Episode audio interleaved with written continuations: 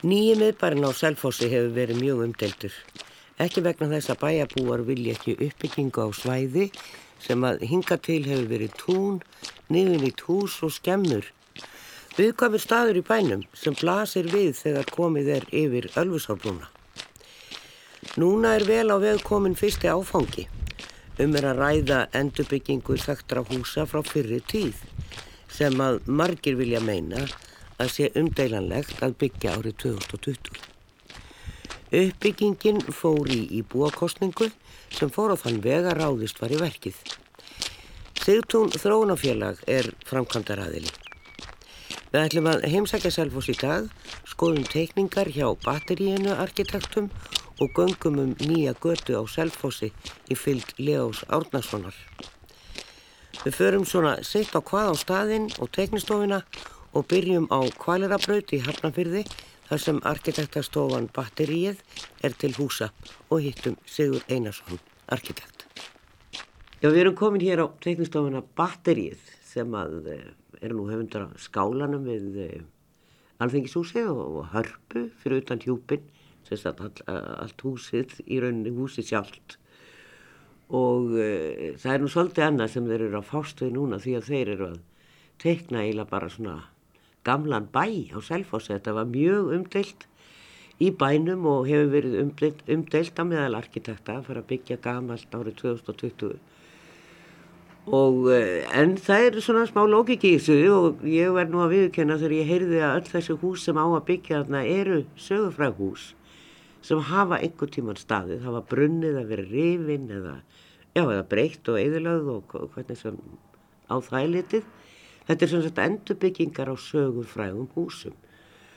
Og við sittum hérna, ég og Sigur Einarsson arkitekt sem er svona kannski höfubörinn í þessu öllu saman. Sæðum við líka, þetta hefur umdelt hér á stofunni að fara í þetta verkefni. En við erum búin að vera að skoða hérna teknikar og, og uh, það er bara fyrsti áfangi sem er núna í gangi. Þetta eru bæði einhverjar íbúðir og svo vestlunarými gamla mjölkustöðin er þarna og stórt torg og svona minni torgin á milli og þetta er náttúrulega búið að kósi það er náttúrulega ekki að segja en að okkur líkar alveg ágjörlega við að ganga um og á milli þessara gamlu láreistu húsa. Og það er kannski kostunum við þetta þetta eru ekki risabyggingar og það er ekki verið að setja eitthvað voðalega háar neðistu hæðir eins og ég gerna gert núna þurfa að vera endur byggja eldri byggðina. Þá er sett stórhæð neðst og húsið einhvern veginn onna sko þetta er nú ansilangt komið og, og, og hérna við ætlum nú að kíkja á þetta og fara á Selfos og skoða þetta, það sem er komið. E, það er fyrirtæki Sigtún þróunafélag sem stendur fyrir þessu. En þetta, sko hver að komið þið að þessu, batterið? Við komum að þessum málum þegar að þeir voru byrjaðar að þróa svona frum hugmyndina þegar Leo Átnarsson og Guðjón Argrínsson að þá komið þeirra málu við okkur og, og við, skoða hvort að við varum til í að taka þetta verkefna á okkur, að vera með þeim í að endurbyggja þessi, öll þessi gömlu sögufræðu hús og það má segja að við, eftir svona miklar umræður hér á stofunni að þá ákveðum við að, að kíla á það og það er í byrjun ás 2015. Það er svo langt séð. Já, Já. og uh, þá, þá hefist við handa að, að eh, móta skipulag fyrst og fremst á hvernig við myndum vilja móta þetta skipulag út frá þessari hugmyndafræði og gerðum þá þessar endum í þessum tveimur gödum sem er stopnin í þessu, þessu, nýja, þessu nýja miðbæ og, og, og formum síðan þessi torg þessi 2-3 torg sem að verða hann í, í miðbænum auk eitthvað svona einhverja smáríma sem að auðvitað skapast þegar maður er með fyllt af, af litlum húsum sem að standa svona skakt og, og ská og skjön og allavegna. Sko, hvernig völdust þessi hús? Eh, maður svona, náttúrulega ég skil mjölkubú flóamanna og ég skil bygginguna Sigtún því að þetta eru húsum stóðu þarna í sveitafélaginu Eru fleiri hús úr sveitafélaginu sem hefur verið að endurbyggja það? Já, það eru önnur tvö hús í frontinum við hliðin á mjölkubúinu sem að annað er Ingólfur sem stóðu við Eiravegin þar, þar sem að mjölkubúið er að rýsa og það er til, eh, leifatana því húsi eru til á, á, á byggingasvæði jávertakana, jáverk og það verður flutt og, og endur gert á þessum stað og þar við hliðina verður líka reist hús sem hétt Höfn og stóð líka við, stóð þarna við Östuvegin og var líka í, svona í fronti Selfossin áður fyrr. Þannig að þarna verða fjögur, svona eh, í, þessum fyrsta áfanga verða fjögur hús sem voru klárlega á Selfossi og, og sum þeirra nokkur neina þessum stað. Þetta heitir hvað? Tryggvagata? Við köllum þetta brúarstræti. Brúarstræti, já. Við, sem er lítið stræti í beinu framaldi af brúnni og, og síðan er þar á bakvið, þar, þar vestan við verður stórt torg fram að við endurbyggt mjölkubú flóðamanna og þar ætlum við að kalla brúartorg. Mjölkubú flóðamanna var náttúrulega eftir Guðjón Samuelsson og, og, og það er svona kannski setni árin þá hefur verið reynd að venda þær byggingar sem eru, eru eftir hann. Já, það er rétt og, og við, ég þekki enga byggingu, allavega enga svona stóra byggingu sem að Guðjón Samúlsson teiknaði og var byggt sem hefur rifin. Þannig að þetta er mín, ég kann auðvitað vera einhver minni, minni byggingar, það er að vera rifnar, en engin bygginga þessum, í þessum stærðarflokki sem Guðjón teiknaði hefur verið rifin og þess vegna erum við auðvitað að gera þessu svona verðu skila að endurbyggja þetta, þetta fína hús sem stóð þarna talsist austar út í bænum, það sem er mjölku samsalan er núna. Sko, er búið að finna því húsi til dæmis eitthvað hlutverk? Já, nú komið niðurstöðið það og í húsinu á jarðhæðinni og í risinu verður matöll. Þarna verða, eins og við þekkjum það og, og þarna inni, inni og, og á síðan að tengjast út á torkið, þannig að menn geti á góður stöðum sömurinn og svona í góðu skjóli, við erum að láta það hús og, og, og tengibyggingu nýja sem við erum að byggja við mynda skjól gegn norðanáttinni og þannig að við fáum svona skjólsalan söður, söður vegg á þetta, þetta hús sem að, að við fáum, fáum mathölluna til, til þess að sem, sem lengstan hluta ásins til þess að flæða út á torgið. Í kjallara mjölkubúsins verður síðan skýrsapn. Þar verður skýrsögunni gert þáttundur höfði með digri aðstóð MS Þannig verður þetta hús blanda af, af svona attraktsjón til þess að, að kynna skýrið og þetta að koma og fá sér í goggin því að þarna fara fjöldin allar af fólki og kannski mest íslendingar á, á sumrin og ekki síður en útlendingar fara um selfos og þess vegna er alveg svona sóknarfæri að bæta við veitingastöðum þarna og um mitt við þetta torg. Það eru undar svolítið margir veitingastæðir á selfosi svona með að við marga bæi sem eru eins og til dæmis Akranes sem er 7000 manna byggð. Það er gegnum kessla þarna ennþá en það verður það ekki, það, þá að breyta því já, það er svona, þetta er svolítið tvísýnd af þýleiti. Já, það má kannski segja það, en, en sóknarfærin eru gífuleg, eins og segja það því að Selfos erum kannski kringu 10.000 manna samfélag og þá hefur við eftir að taka allar uppsveitinnar, það sem að fólk er ekki lengur bara í sömarhúsum, heldur heilsáshúsum allt árið og, og margir er að skreppa og veitir þá ekki það að hafa góða flóru af, af veitingastöðum ef við berum saman með Akureyri þá er Selfos mikill eftirbáti með fjölda veitingastæða á, í miðbæ heldur, heldur en ef við tökum Akureyri sko. Þannig að við, við höldum að, að það verði ekkit ólíkur fjöldi og jæfnvel meiri fjöldi sem að fer þarna um miðbæ Selfos heldur en Akureyri til, til, til einhverja ára litið. Já, nú eru margir reglingar um þetta að færa sig hver að gerða á Selfos og, og byggja þar og, og setjast þar að. E, það verða einhverjar íbúður í þessum húsum flest tilfellum allavega í þessum fyrsta áfanga þá er þetta þjónusturými. Við erum með í kringun torgið e, að, vest, að vestanverðu og í mjölkum þar verðum við með engungum með veitingastæði og, og þetta sapn en meðfram brúastrætinu þar eru við með hús og gamla sigtun sem er búið að endurbyggja og er, er menn sjá í dag við liðin á kaufélagshúsinu sem er ráðhús í dag þar, er, þar erum við með íbúðir allstaðar á efrihæðin þannig að það verða talsversta íbúðum og svo þegar lengra kemur í annan áfungan að þá verðum við með, með þryggjahæða hús við erum ekki með neyn klár við erum bara með eitt klár þryggjahæða hús núna sem er endurbygging á Hotel Guldfossi sem stóði við Hafnastrætt á, á, á Akureyri. Og þar eru tværhæðir með íbúðum ofan á Vestlunarými og Jarðæð og við verðum með stærri pakka þannig í öðrum áfanganum það sem að koma fleiri íbúður og það er svo, í allskiplunum var lagt á stað með það að þarna yrði talsesta íbúðum líka og, og við ætlum sannlega að uppfylla það. eh, sko á þessum myndum sem að, ég veit ekki, getur fólk skoða þetta á netinu, getur það farið inn og, og séð myndir af þessu? Já, það er hægt að sjá þetta til dæmis myndbandið af hverfinu á visitselfos.com með fara á visitselfos.com og þá er myndband, byrtist myndband eða hlekkur á myndband strax á minna að opna og þá geta mann séð þetta hvernig við sjáum þetta fyrir okkur í heild sinni. Það er hérna svona ljósblátt hús sem er svona með, eh, hvað ég segja, svona stöllum, svona kastalastöllum, Já. svona svipað á Danska sendiráðu og Sturluhúsin á lögasveginum, Galtafell og, og svo er svona lítill turn ofan á. Hva, hvaða hús er þetta? Þetta er hús uh, Edinborgarverslunan sem stóð við, í Tryggvagötu. Já, já, já, er, er það... stóð fyrirgjöði í, í. Hafnarstræti ætla ég að segja já, já, já. og, við, við hliðina á Ingólskóli sem kom, var setni tíma bygging reyndar sem að, það, sem að, það sem landsbankin er, er í dag. Já, þetta brann átt allt Já. 1915.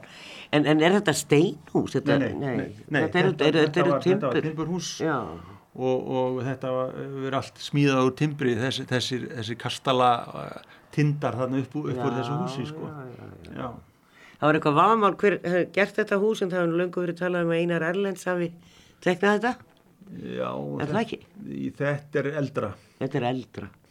Hvaða hús tekur þarna við sem er svona grátt með svörtu saki? Þetta er hús sem uh, var kallað Hótel Björnin og stóð við hliðin á A. Hansen í Hafnahörði og tegði sér raun og veru, það kemur svona næputurn og, og svalir á endan á því húsi og sá næput, stóði raun og veru alveg út í brekkuna, Reykjavíku brekkuna og var, byrjaði að vara að hefla af húsinu þegar gatan var breykkuð ykkur, ykkur tíman kringum 1950-60 en, og það húsið þá minkað og, og, en síðan var það alveg rifið þegar, þegar voru gerðar svona tv tvær agreinar með miðegju í Reykjavíkbrekkun og þá var þetta hús algjörlega bara fjarlægt sko Já, já, og eftirstendur að Hansen eitt við hliðina og reyndar eldri húsum hann í Hafnaveri Mörg af þessum húsum hafa sérst verið bara hreinlega rifin. Já, Er það ekki rétt hjá mér? Jú. Ekkit endilega brunnið eins og Edinborgarhúsið og já, en en Hótel Ísland kemur þarna í setni áfanga hjá okkur. já Hvað átt að taka langan tíma? Sko við erum að stílinn á að þessi 12-13 hús sem við erum að byggja í fyrsta áfanganum að þau verði tilbúin og að þetta opna þau næsta vor. Það er all, all, alla tíma allinu meða við það núna. Se, hvað síðari áfangarnir munu taka í tíma það hefur þetta munu svona eh, COVID og annað eh, ráða svolítið för í því hvað, hvað verður físilegt að, byggja þetta rætt upp en eh, við sjáum alveg fyrir okkur að það þurfi ekki að líða nema kannski tvö ári eða eitthvað slíkt þá, þá verður þetta árið fullbyggt sko. Já, já. 2023 eða eitthvað, slí, eitthvað slíkt það, það, er, það er alveg raunhæft sko. Þá skulum við bregða okkur á Selfoss og skoða okkur aðeins um. Byrjum á að skoða líkan af vandalegri byggð með Leo Átnarsinni. Jæja, þá erum við komin hérna á Selfoss og eh, eins og svo sem var talað um bæði í upphæfi og við sigur en þá var þetta ákvæmlega umdeilt að byggja, ég svona það má náttúrulega segja að þetta sé eins, eins konar leikmynd. En það þurfti að byggja og það þurfti að gera eitthvað við þessa stóru lóð hérna sem að stendur gengt, já það sem alla búðirnar eru hérna bara við, rétt innan við tryggvaskála og ráðhúsið er hérna við hliðina sem að var jú gamla kaupfélagið og það er bókasafni hér á Selfossi núna líka sá ég og síðan liggur þetta hér á þessari stóru lóð sem að ekkert var í raunum, einhverja skemmur og þetta var eiginlega bara lítið og leiðinlegt að koma inn á Selfoss og þetta blasti við þegar maður kemur yfir brúna. Þannig að það er alltaf verið að nýta þessa lóð nummer 1, 2 og 3 og gera þetta, þetta er voða kósi og sætt. Þannig með mér hérna Leo Átnarsson sem er annar framkvæmdaðila hér. Það er Guðjón Argrímsson sem er með honum og sem að margir þekkja sem fyrirverandi upplýsingafulltrúa hjá, hjá flug, flugleðum eða Íslandi er. En eh, já, þetta var hugmynd og núna er hún sem sagt bara komin í framkvæmt. Það er búið að byggja heilmikið hér á opna næsta vor. Fyrsti áfangi. Við stöndum hérna inn í gamla sigtúni eins og þetta hús hétt. Þegar það var hér, þá stóða nú hérna bara við hliðin á tryggvaskála eiginlega aðeins lengra, bara eiginlega undir húsinu sem er hérna á móti. Það var rifið og eh, það er sérst búið að endurbyggja það og eins og framkom spjallinu við Sigurðan þá eru þetta allt saman hús sem að einhver tíman hafi staðið einhver staðar á landinu. Sigtún er sagt hús hérðan úr bænum og þau eru nokkur. Líkanu hér sýnir þetta verður svona eins og lítið dúkkubær. Ég get ímyndað mér að krakkar viljir og bara helst koma með leikfangabílin og, og setja fólk og svona og byrja að keira um gödunar hér. Þetta, þetta er alltaf voða sætt. Já, þetta er, þetta er fallegt, ég er svo sem ekki samanlega þetta er dúkkubær en, en þetta gefur um, þetta gamla yfirbræð sem að, sem að Íslendingar elska og, og rauninni erlendir gestir líka við, við þekkjum það að, að þegar að við nefnum fallegustu bæi landsins þá eiga er það allir sammert að, að vera með gamlar götumyndir eða þyrpingu gamalla húsa sem að veita okkur einhvern svona, einhverja sérstakka ánægju tilfinningu Já. og okkur finnst notalegt að vera í slíku umhverju.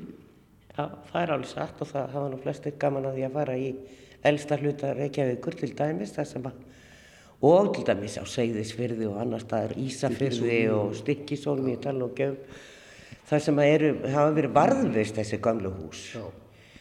En eins og ég sagði þessi lóð var náttúrulega bara ekki neitt neitt. Þannig að það er kannski fyrst að spyrja, er hugmyndin ykkar og komið þið með hann að hinga til Selfoss, þú ert nú uppalinn hér, fættur á uppalinn en brottfluttur nú, en já, hvernig var þetta til þessi hugmynd? Já, ég er, ég er hér fættur uppalinn og reytar Guðjón Argrímsson líka, já, já. en hugmyndin var í, í upphafi að, að byggja kannski þessi gömlu Selfoss hús sem að sem voru horfin á braut. Þetta, er, þetta svæði hér á sér langa sögu og, og búin að standa mikill styrrum nánast hverja einustu tillögu sem að, sem að hér hefur komið. Mikill styrr árið 2005 eða 2006 um 16 hæða byggingartvær sem að hér átt að rýsa og ég held að flestir séu nú þakkláttu fyrir að það gerist ekki. En hugmyndin í rauninni var til að byggja þessi selfhúsús sem eitt sinn voru andlit bæjarins en, en uh, hafðu verið rifinn og síðan stækkaði bara hugmyndin jæmt og þétt og, og endaði í því að, að byggja til dæla stóran miðbæ á þessu að þetta er 6 hektara lóð og þar að við bæja garðurinn um, um 2 hektarar. Og uh, byggja hús sem að er í þessum gamla stíl og í stað þess að byggja bara hús í gömnum stíl þá tökum við fyrirmyndir sem eiga, eru allstar af landinu og eiga það öll sammert að þessi hús voru annarkort drifin niður, mögulega fyrir misvitrum nýjum skipulagstillugum eða brunnu. Saga þeirra kannski glemst smátt og smátt í, í tímanarás og, og við erum svona endur útgefa sögu þeirra glæða, glæða söguna nýju lífi og, og þetta er þekkt í, í menningarheiminum ímist með tónlist skáld, leikrit og, og skáldsögur og nú erum við að gera það hér með byggingum Ég seti reynda svolítið stórt spurningamerki við þessa kirkju, þessa miðalda kirkju sem kemur þannig enda skipulagsins og við sjáum hér í þessu líkani. Er hún alveg í réttu hlutföllum á miða við að hæð húsan á annað? Af því að hún, á teknikunni sem ég skoðaði hjá Sigurði, arkitekta, þá virkaði hún svo miklu, miklu stærri. Já, hún er, hún er í, í, í réttum hlutföllum en þetta er nú tilgáttu hús og, og, og kannski erfitt að að vera með nákvæmar starðar hlutvöld en, en þú ert ekki svo eina sem að uh, gaggrindi kirkjuna eða hefur, hefur einhverja efasendur um það. Uh, hugmyndin er að gera samt um miðaldir og miðaldarsögu Íslendinga. Og þá er spurning þegar þú ætlar að, að fara að byggja hús undir slíkt samt hvernig bygging á það að vera? Og við fórum þá leið að að gera í rauninni húsið sjálft að stæsta safnagripnum og uh, ætlum að byggja stafkirkju eins og var gert í skálóldi á miðöldum og, og uh, í kjallarnum á þessari kirkju verður, verður sapn um þetta tíanbill, ja. sögu í Íslindika. Þannig að, að ég held að þessi bygging muni sóma sér vel þegar að hún verður rísing. Við sjáum til, en það eru, selfisingar eru afskaplega gladir veiti með að mjölkubú, flóamanna rís hér í, á þessari lóð. Þetta fallega hús eftir Guðjón Samúlsson sem var rifið á sínum tíma. Og það er hérna í þessum fyrsta áfanga og við sjáum það þegar við komum hérna út, við erum sérstaklega inn í sigtúni þar sem að það er hús er svona komið vel á veg. Já, mjölkubúið gamla það var mikil eftir sjá eftir því og þetta er eina húsi sem að hefur verið rifið sem að byggt var að teikningum Guðjón Samúlssonar og, og auðvitað eru margir ánæðar að, að það rýsi nú að margir sem mun eftir þessu húsi það var, það var rífið árið 1950 og, og 5 eða 6 og uh, það mun taka mjög mikið til sín sem, sem svona andlit bæjarins þegar að komið er hér yfir og, og uh, hús sem að er miklar bustir á og, og vísa í gamla tíman, stórglæslegt hús og þarna verður mathöll, mikið líf í, í þessu húsi og við lögðum upp úr því að það, yrði starfsemi sem að yrði sótt mjög mikið af heimamönnum, af íslenskum gestum og, og af erlendum ferðamönnum, ekki síður. Eh, Svo ég skýri það út hvar mjölkur búið mun rýsa í þessari, þessari nýju byggð. Þá kemur yfir Ölfusbrúna og beigir eiginlega bara strax til hægri eftir ringtorkið þegar maður kemur inn á Selfoss. Þannig að það blasir við og þessi byggð svo sem blasir við bara um leiðum að kemur yfir brúna. En eru það ekkit kviðnir því að, að það núna ánáttúrulega að breyta þjóðveginum þannig að brúin verður náttúrulega hérna áfram og verður ekki tekinn, maður getur tekið að áfram en eh, svona aðal leiðin er eiginlega framhjá Selfossi. Já, það er nú oft þannig að, að þegar að menn fá eitthvað upp í hendurnar þá kannski sopnaður á verðinum og, og eh, við höfum haft þessa brú í áratví á þess að nýta okkur það selvisningar mjög mikið þannig til dæmis mikla ferðamanna fjöldabæði íslenskra og erlenda gesta. Uh, nú er áskorun að það kemur önnur brú, þar verða tvær og, og við verðum þar leðandi að verða áningastadur ef við erum að horfa á, á okkar gesti en uh, svo er líka kostirnir að, að fyrir heimamenn þá til dæmis leggst þá þunga flutninga traffíkin af hér í gegnum bæinn og, og það verður rólegra yfirbræði yfir aðalgöttunni og, og, og ringtorkinu og þá miðbænum þannig að það eru kostir í þessu við þurfum hins vegar að, að gera vel ef við ætlum að verða áfram hér miðstöð vestlunar og þjónustu og miðbærin er einfallega hluti af því, því, því svari við nýri brú að, að hér þurfum við að breyttu bermar og, og takast á við það verkefni. Og aftur í batterið með Sigur Einarssoni, arkitekt. Það hefur nú verið haldið námskeið hérna reynilega fyrir smiði og, og byggingameistara til þess að byggja og gera upp gömul hús og annað. Þetta kom nú til meðal annars í hruninu og svona þá var völundaverk sett á stað og, og smiði sem hefur bara unni við það að steipu upp og kunna ekkert í þessu. Er, erum við með, hva, hvernig gengur það? Ég meina, hversu flókið er að gera þetta? Jú, þetta, þetta er auðvitað skóli fyrir þá innamenn sem eru þarna hefur jáverk að, að vinna þessa hluti og margir hafa auðvitað komið að því að endur gera svona hitt og þetta í þessum gamlu húsum. Uh, máli er það auðvitað að það sem við erum að gera þarna, við erum að byggja 2020 og þá þurfum við að uppfylla byggingareglugerð og brunareglugerð og alla, alla þætti sem eru í dag. Þessi hús voru auðvitað öll byggð á þeim tíma það sem voru allt, allt aðra kröfur Þannig að allt innra fyrirkomulega í þessum byggingum getur ekki á nokkurt máta verið sambærlegt við það sem var áður fyrir. Þess vegna eru, er allt sem heitir fyrir innan skélina eru, eru, eru nútíma kröfur og við höfum ekki horta á þetta alveglega augum með það að við erum að búa til skél sem lítur út eins og, eins og þetta, þessi hús lítur út en við leifum okkur að steipa þau hús sem okkur passar þó að þau hafi verið timburhús uppalega og það hjálpar okkur með eh, mjög þarna, miklar hljóðkröfur í dag, hljóðvistin er að kröfunar eru miklar, bruna kröfunar eru miklar og, og annað slíkt, við erum að byggja íbúður sem að það á milli íbúða má ekki heyrast og, og svo framvegist, þannig að við erum með allt, allt aðra kröfur sem við þurfum að uppfylla og þess vegna verðum við að beita nútíma byggingatækni að mörguleiti til þess að uppfylla það, þetta. Já. Þannig að þetta eru ekki timburhús Sagt, en það er, núna er sagt, verið að leifa að byggja úr timbri, við sjáum nú bara hérna rétt hjá stóra húsi sem að Havró kemur til með að vera í. Sem er flutt í og, já, við, já. og við hönnum fyrir, fyrir það hús líka sko. Já, já, en af hverju er þetta ekki bara úr timbri? Það er vist hérna og, og já, nú eru normin að byggja átjánhaða blokkir úr timbri já, og... Þetta, við, við skoðum það og það var eitt möguleik, þetta, en auðvitað er þetta það þetta er svo margbrotið, það er ekki neinn, eh, ég má sletta rasjónel, það er erfitt að við hafa rasjónel vinnubröð, svona kerfislæg vinnubröð í þessum, eh, í þessum húsum, þannig að það kom mjög illa, varðandi kostnað að vera með svona, hvað maður að segja, já, vesmiðu framleitt hús, þannig lagað. En þá, þá kom, komum við aftur bara að þessum hljóðgröfum, að þessum brunagröfum, en við erum að nota samt sem áður í fullt af húsum þarna, erum við með timburklæningar, en þær eru þá plantaðar sér brunavarðar frá framleiðanda. En það er svo, svo kallar CLT eða hvað? Nei, það, er eru þessar límtrisbyggingar, það eru þetta krosslímt timbur. En, en þarna bara þessi timburklæningar sem við erum að panta, þær eru að hafa fengið sérstaklega bruna meðhundlun, þannig að í, í, í brunaþóli eru það bara svipaðar á álklæning eða, eða, eða bárjátt sko. Já. Og það, þannig þurfum við að leysa þessi brunateklu mál með, með, með, með þessum timburklæningum sko. Já. En já, það er nú mjög góð hljóðvist í Timburhúsum meðal annars í þessu húsi sem við hönnuðum það núti. Hérna, það já. er bara allt annað að ganga, þetta er svo gangan í stúdjó þegar mann kemur þar inn. Í Galtónt húsi þegar ég kom þar. Eh, hva, hva, hvað eru önnur hús þarna eins og þarna, sagt, eh, þetta myndi vera, ég ger mér ekki alveg grein fyrir áttan í söður átt önnur hliðin þarna Já, við getum, við, við fyrir fram að mjölkustöðuna við tekum, ef við tökum fyrst tvö hús sem eru vestast í þessum fyrsta áfanga Já. þá eru næst mjölkubúinu verður konungshúsi sem var á Þingvöllum og brann þegar Bjarni Benediktsson fórstráður og dó.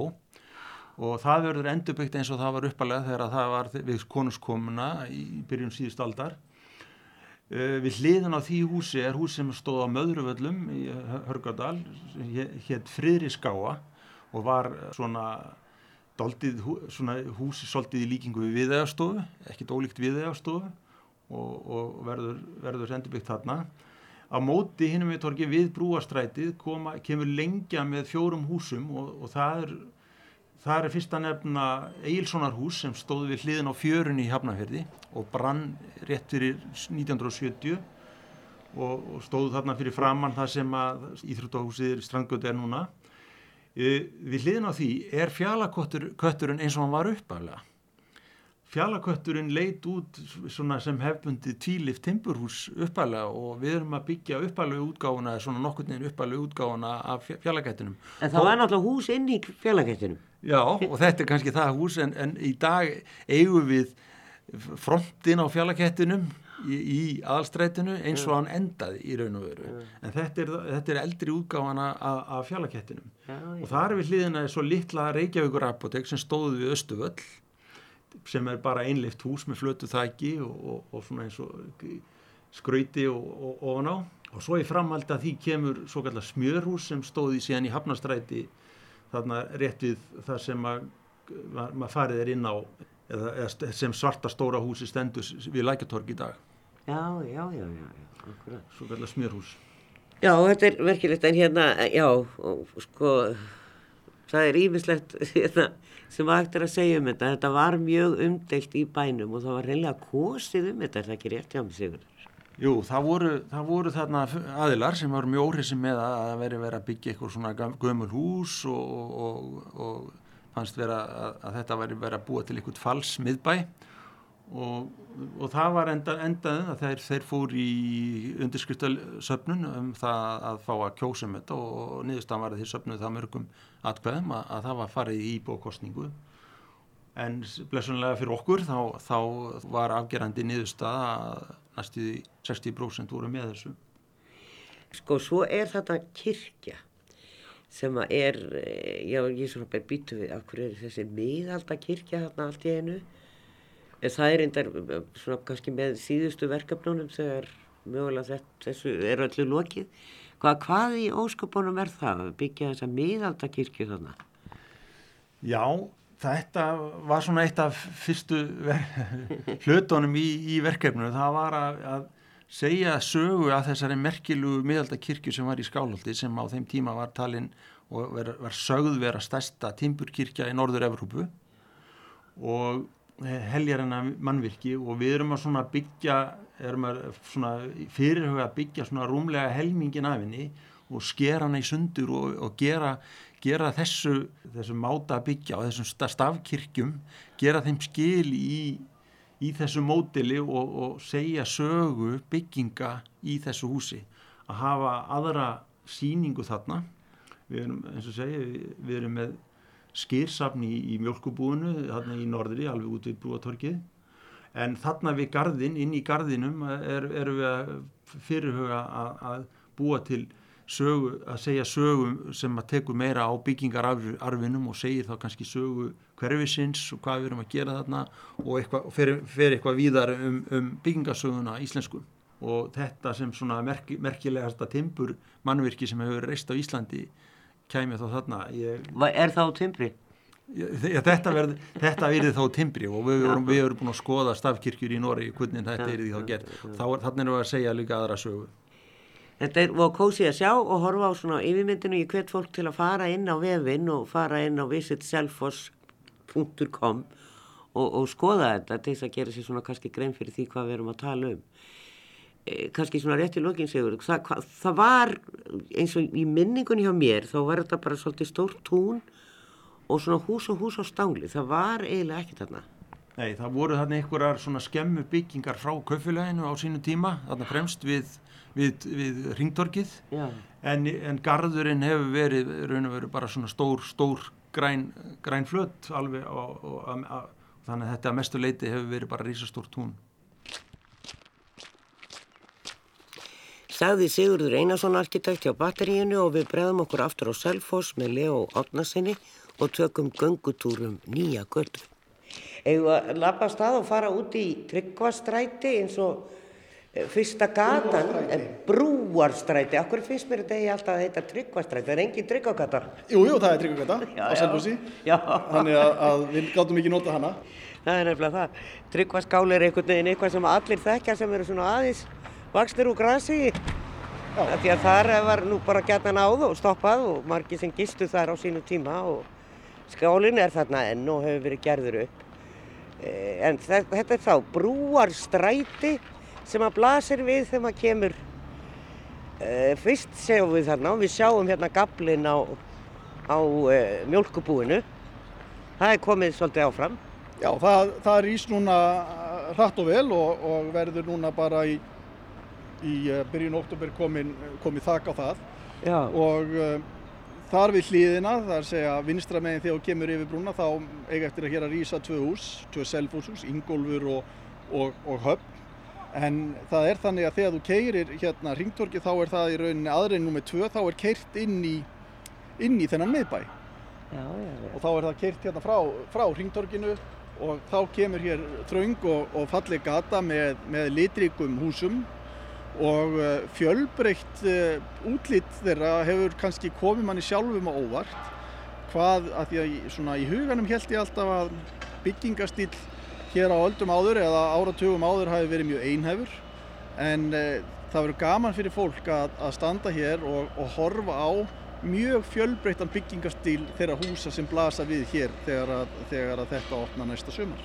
Þetta er ekki allt saman svætserhús eða, eða lítil bárjóshús? Nei, þetta er nefnilega mjög fjölbreytt og, og eins og ég sagði að með mjölkubúi taka mikið til sín þessar miklu bustur og það er, það er hátt og mikið hús og, og svolítið, svolítið næfur svolítið yfir og, eh, en síðan eru mjög fjölbreytt, fjölbreytt útlitt hinna og, og, litir verða fallegir eins og var og við þekkjum á þessum, þessum húsum í þessum stíl. Og það verður tork hérna fyrir framar mjölkubúið sem að snýri sögur. Já, Já, það er í rauninni eh, brúartorkið, Já. eh, verður í veitingatorkið og, og það er á tveimur pöllum. Það er að segja að það, að það er til þess að, að skýl okkur hér fyrir gólunni, gólunni sem stundum er hér á Selfossi, það er nú ekki oft. En, en við ætlum að, að mynda skjólgangart í og, og við þekkjum það þegar við erum erlendis og, og annað að það er gaman að koma inn á svæði þar sem allt í hennu blasa við er fleiri en eitt veitingastæður, nokkri veitingastæður mikið af fólki og við ætlum svolítið að þjappa þessu á einn punkt í hverfinu. Við göngum hérna inn í brúarstræti og þetta er nú stærðarinn að grunnur hérna núna það sem er verið að rýsa, það sem að uh, flóabúið er að rýsa. Hér er heilmikið og stórt hús sem er líka bara eiginlega, það er klátt á utan, þetta uh, græna hús hér, þessi stóra bygging með frönskum gluggum og þetta er upp á þrjár hæðir og bara, já, mjög veglegt hús. Hvað, hvað erum við að tala um hér? Hvað, er, hvað hús er þetta? Þetta hús var byggt í kringu 1900 á Akureyri í Hafnarstræti 100 var fyrst uppalega Bráns vestlun og, og, og jarðhæðinni var einnig vekstæði, fyrsta vélvæta vekstæði á Akureyri. Síðan var þetta að hóteli, Hótel Gullfoss og uh, varðu í, í nokkru áratögi svona miðdum byll skemmtana lífs fyrir norðan og uh, síðan brann það 1945. Breytar tóku þetta yfir og notuðu í, í, undir sína starfsemi í, stríðinu og svo tóku bandaríkja þar við og, og það brann 1945 eða 6. Já, já, var, þá hafi ekki verið komnir Íslandingar í það aftur þá eða hvað? Nei, þetta Nei. var þegar bandaríkjamenn voru en bandaríski herin var með það í sinni umsjón. Þeim að kenna. Þetta er, þetta er þeim að kenna og, og, og, og uh, það er nú hér hús nálægt hér í uppsettum þrastalundur. Já, Við viljum nú eindir ekki endurbyggja það en, en það brann einmitt líka í umsjóbreyta þannig að þetta voru brennuvargar, þessi já, kap, já. Þeir voru það víst að einhverju leiti og skildu eftir þessi ímislegt drast hér og þar sem að uh, var nú verið að fjallum í síðasta þættin meðal annars á Grandanum. En uh, hér sjáum við svona húsaröð sem sagt hægra megin við göttuna. Við göngum í suður átt. Það er náttúrulega ekki komin eitt stræti. En uh, gatan er mjóð, þú segir umferðin, þar keirur inn og þá fer maður, þetta eru svona þröngagötur. Hvernig, hvernig ætlaði að stýra bílaumferð hérna? Já, við ætlum að, sko, þe- þessi gata til dæmis er jafn breið og, og laugavegurinn þannig að, hér verður hæg umferð og uh, síðan á góðum dögum þegar að tilefni til þá einfallega lokum við bara hér inn og, og gerum þetta göngutu. Það verður ekki yfir ákveði tímabil heldur bara þegar okkur hendar en, en síðan er hér til beggja, beggja megin við hverfið góð bílastæði þannig að, að það verður auðvelt aðgengi. Eh, Þetta hús, hérna fyrsta sem við sjáum, sem er með svona þver spýtum eiginlega og sem eru svona riflaðar niður, það liggja ekki hlið við hlið, þetta er svona riflast niður eftir hliðinni. Eh, hvað, hvaðan er þetta hús? Já, þetta hús var uppalega reist í, í uh, Hafnafyrði, þar sem að Víkingaþorpið er, þar niður við, niður við sjó sem Vestlunar og Pakkus. Þetta var nú en tíma í eigu miljónafélagsins sem að Tóri Jensen og, og, og Pétur Torstinsson og fleiri áttu á, á þeim tíma. Og uh, síðan brann þetta hús 1976 en, en var Vestlunarhús í áratví. Feikilega fallegt hús og, og minnir á það sem ég var að segja á þann með fjölbreytileikan í, í byggingalist og, og stílnum hér. Og í þessu húsi verður veitingarstaður á jarðhæðinni eða í kjallarnum sem að verður sjávaréttastaður, heitir Messin en nú líka í Lækjagötunni í Reykjavík þegar þetta koma hingað og, og síðan verður vestlun á, á jarðhæðinni hönnunarverslun og, og svo tvær íbúður uppi. Það verða nokkrar íbúðir hérna. Ég glemdi nú alveg að spyrja þig hvað þetta veri í þessu stóra húsi hérna sem að var á var Hótel Gullfoss. Já, það verður skartgripaverslun og blómabúð og, og síðan fjórar íbúðir á, á efri hæðunum. Hefur fólk forvittnast um þessar íbúðir hérna, selfisingar? Já, selfisingar eru byrjaðar að, að forvitast mikið um þar en, en við eh, gefum lítið upp, við viljum bara klára íbúðirnar og. Og svo seljum við þær þegar það er að kemur. En við ætlum að selja sem sagt íbúðirnar en allt atvinnuhúsnaði verður áfram í okkar eigu og við ætlum að leigja það út. Og það eru margar ástæði fyrir því að, að það er heppilegt, þá munum við geta svona haft stjórn á, á hverfinu og haft fjölbreytileikan og, eh, og það, er, það er mikilvægt hverfinu sjálfu. Þetta er bara eins og allir fjárfast að gera í dag. Þeir vilja ráða, þeir vilja ekkert að allir komi inn með hvað sem er. Já, við getum sagt ef við berum okkur við miðbæri Reykjavíkur að, að hann er svolítið einsleitur og, og var svona fyrir þetta COVID-tíðanbíl orðin mjög einsleitur. Uh, við getum tekið dæmi að, að það er heppilegt og að hafa til dæmis handverksmarkað í hverju miðbæ en, en slík starf sem oft stendur ekki undir eðlir húsalegu. En það er stefnan hér í áfanga 2 að vera með handverksmarkað sem að mun, þá, mun ekki kannski borga sömu húsalegu aðrir en er mjög mikilvæg fyrir hverfi í heilsinni. Já. Þannig að ég held að stýring, hæfileg stýring, hún sé henni góða en, en við verðum ekki upp í hillum hverra veslunar og, og banna þeim að vera með aðrafur og leifa þeim einhverja hinna. Nei, nei, en þetta má kannski segja frekar í stíl við Hafnatorg heldur en Laugavegin því að þar er náttúrulega eitt fjárfæstingafélag, Regin, sem að, sem að leigir út allar eignir þar sem eru þjónusturinn. Já, ég svo sem þekk ekki með hvað hætti þeir að, að vinna sitt en, en við ætlum að reyna hér að uh, vera með góðan fjölbyttileika bæði í veitingum og vestlum. Höldum hérna aðeins áfram því að það er gaman að fá sögu þessara húsa sem eru komin. Hérna vinstramegin hins vegar, þar er þetta nú bara steinin en þá eins og kom fram eða hefur komið fram að þá eru þau öll steift upp þessi hús og klæta utan. Þau eru ekki byggð eins og þau voru byggð á sínu tíma. Þau eru með útlitið en byggingarstílinn og tæknin er allt önnur heldur en var þá. Þetta stóra hús hér, hvað, hvað er að koma hér? Hérna, þetta hús er, er stóð í Hafnarstræti 12 og hétt Edinborgarveslun áður. Já, já, er þetta það? Þetta já. brann í, í brunanum mikla 1915 og, og þegar að allar Edinborgarveslaninnar þurrkuðist út, þar er voru nokkrar hérna nýri í Hafnarstræti og þurrkuðist út á, á einni nóttu. Hér verður veslunin Lindex, hún verður hér og, og í samtengdu húsi sem að, sem að heitir Hotel Björnin og var áður í Hafnarfyrði, þarna við hliðina á það sem að, að Hansen eh, var Já, já. einu sinni þarna Já. við, við Ringtorkið í strandgötunum. Þetta er mjög glæsilegt hús og, og uh, með flötu þaki og svona virkiskuppum uppi á svona turni. Það var nú, það var nú haldið að Einar Erlendsson síðar húsamistari ríkisins hafi, hafi teiknað þetta hús. Þetta er í, í, í anda sturlubræðra húsana tveggja við Laufásvegg með turni og, og þessum virkis, virkiskanti. Já, en það var merkilegt að hann sagði mér þannig Sigur að það, það var allt smíð á timpli því að sturluhúsin eru náttúrulega steift og sömulegis danska sendiráði sem er í sama stíl. Já. En, en þeir þetta, byggðu? já, en þetta hús, þetta Edinborgarhús sem er, já, svona talið næsta vísta Erlendur hafi teiknað, Einar Erlendsson, fyrir ekki, að hérna, að það var timpurhús. Já. En þó með þessa surna, eða þessa stalla sem að, e, já, svona virkir stalla. Já, það skýrist nú bara því að, að hinn þrjú húsin eh, voru byggð eftir brunan mikla 1915 þegar Já. menn bönnuðu timburhús. Þetta hús var byggt 1895 og, og þá var, voru timburhúsin lifiðu góðu lífi. En, en við í rauninni það því þú segir að við erum að byggja þetta sumt, sumt af þessu steini, við byggjum hluta af, hluta af þessum húsum verða timburhús. En við erum einfallega að, að, að byggja þetta eftir íslenskri byggingareglugerð. Svona svipað þegar menn gefa út Íslendingasögurnar í dag, þá gefa það ekki út á á skinnum heldur með öðrum hætti og, og það er það sem við erum að gera hér. Við erum rauninni bara endur útgefa sögur þessa húsa. Þú hefur svör við öllu þarna. Leo, en hérna, næsta hús hér til hæri, það er eh, hvað? Það Það, er eru konunglukkar en þá áttur að setja klæðningu. Já, nú erum við að fara að setja klæðingu hér á, á fjallarköttin sem Já.